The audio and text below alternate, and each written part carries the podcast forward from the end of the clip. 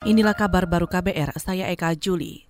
Saudara redaksi KBR menerima berita duka cita. Seniman Jaduk Ferianto meninggal dini hari tadi sekitar pukul 2 lebih 30 menit waktu Indonesia Barat. Kabar meninggalnya Jaduk diketahui dari unggahan sang kakak Butet Kertarjasa yang menuliskan keterangan Rest in Peace Jaduk Ferianto dengan latar belakang hitam bertuliskan Sumonggo Gusti.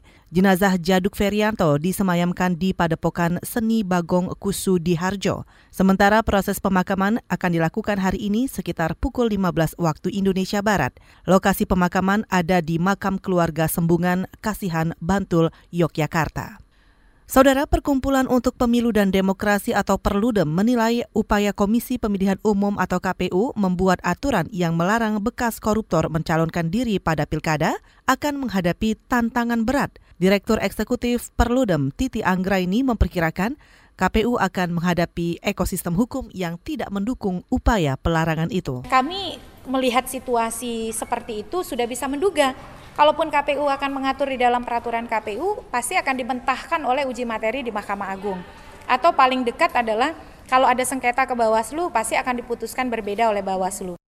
Direktur Eksekutif Perludem Titi Anggraini menambahkan, untuk mendukung langkah KPU melarang bekas koruptor maju di pilkada, Perludem bersama Indonesia Corruption Watch atau ICW sedang mengajukan gugatan uji materi atas pasal 7 Undang-Undang tentang Pilkada.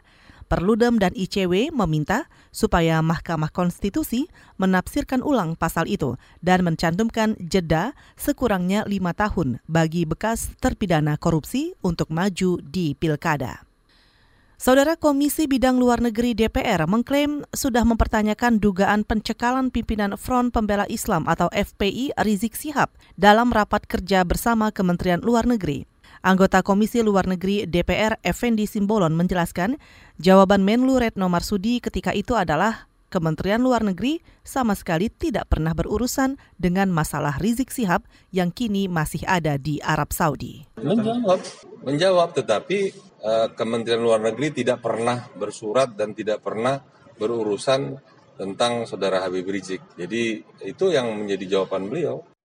Anggota Komisi Luar Negeri DPR Effendi Simbolon juga mengutip pertanyaan Menlu Retno Marsudi yang mengaku tidak pernah berkorespondensi dengan pemerintah Arab Saudi terkait dugaan pencekalan pimpinan FPI itu.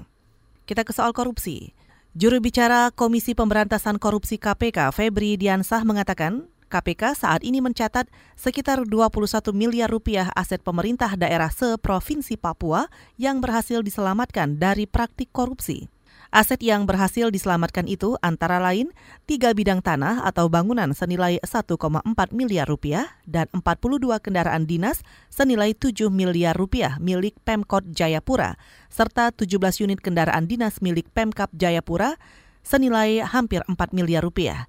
Terkait aset-aset yang bermasalah itu, Febri Diansah mengatakan KPK berharap bisa diselesaikan melalui prosedur perdata dan tata usaha negara dengan penyerahan surat kuasa hukum dari kepala daerah kepada kepala kejaksaan.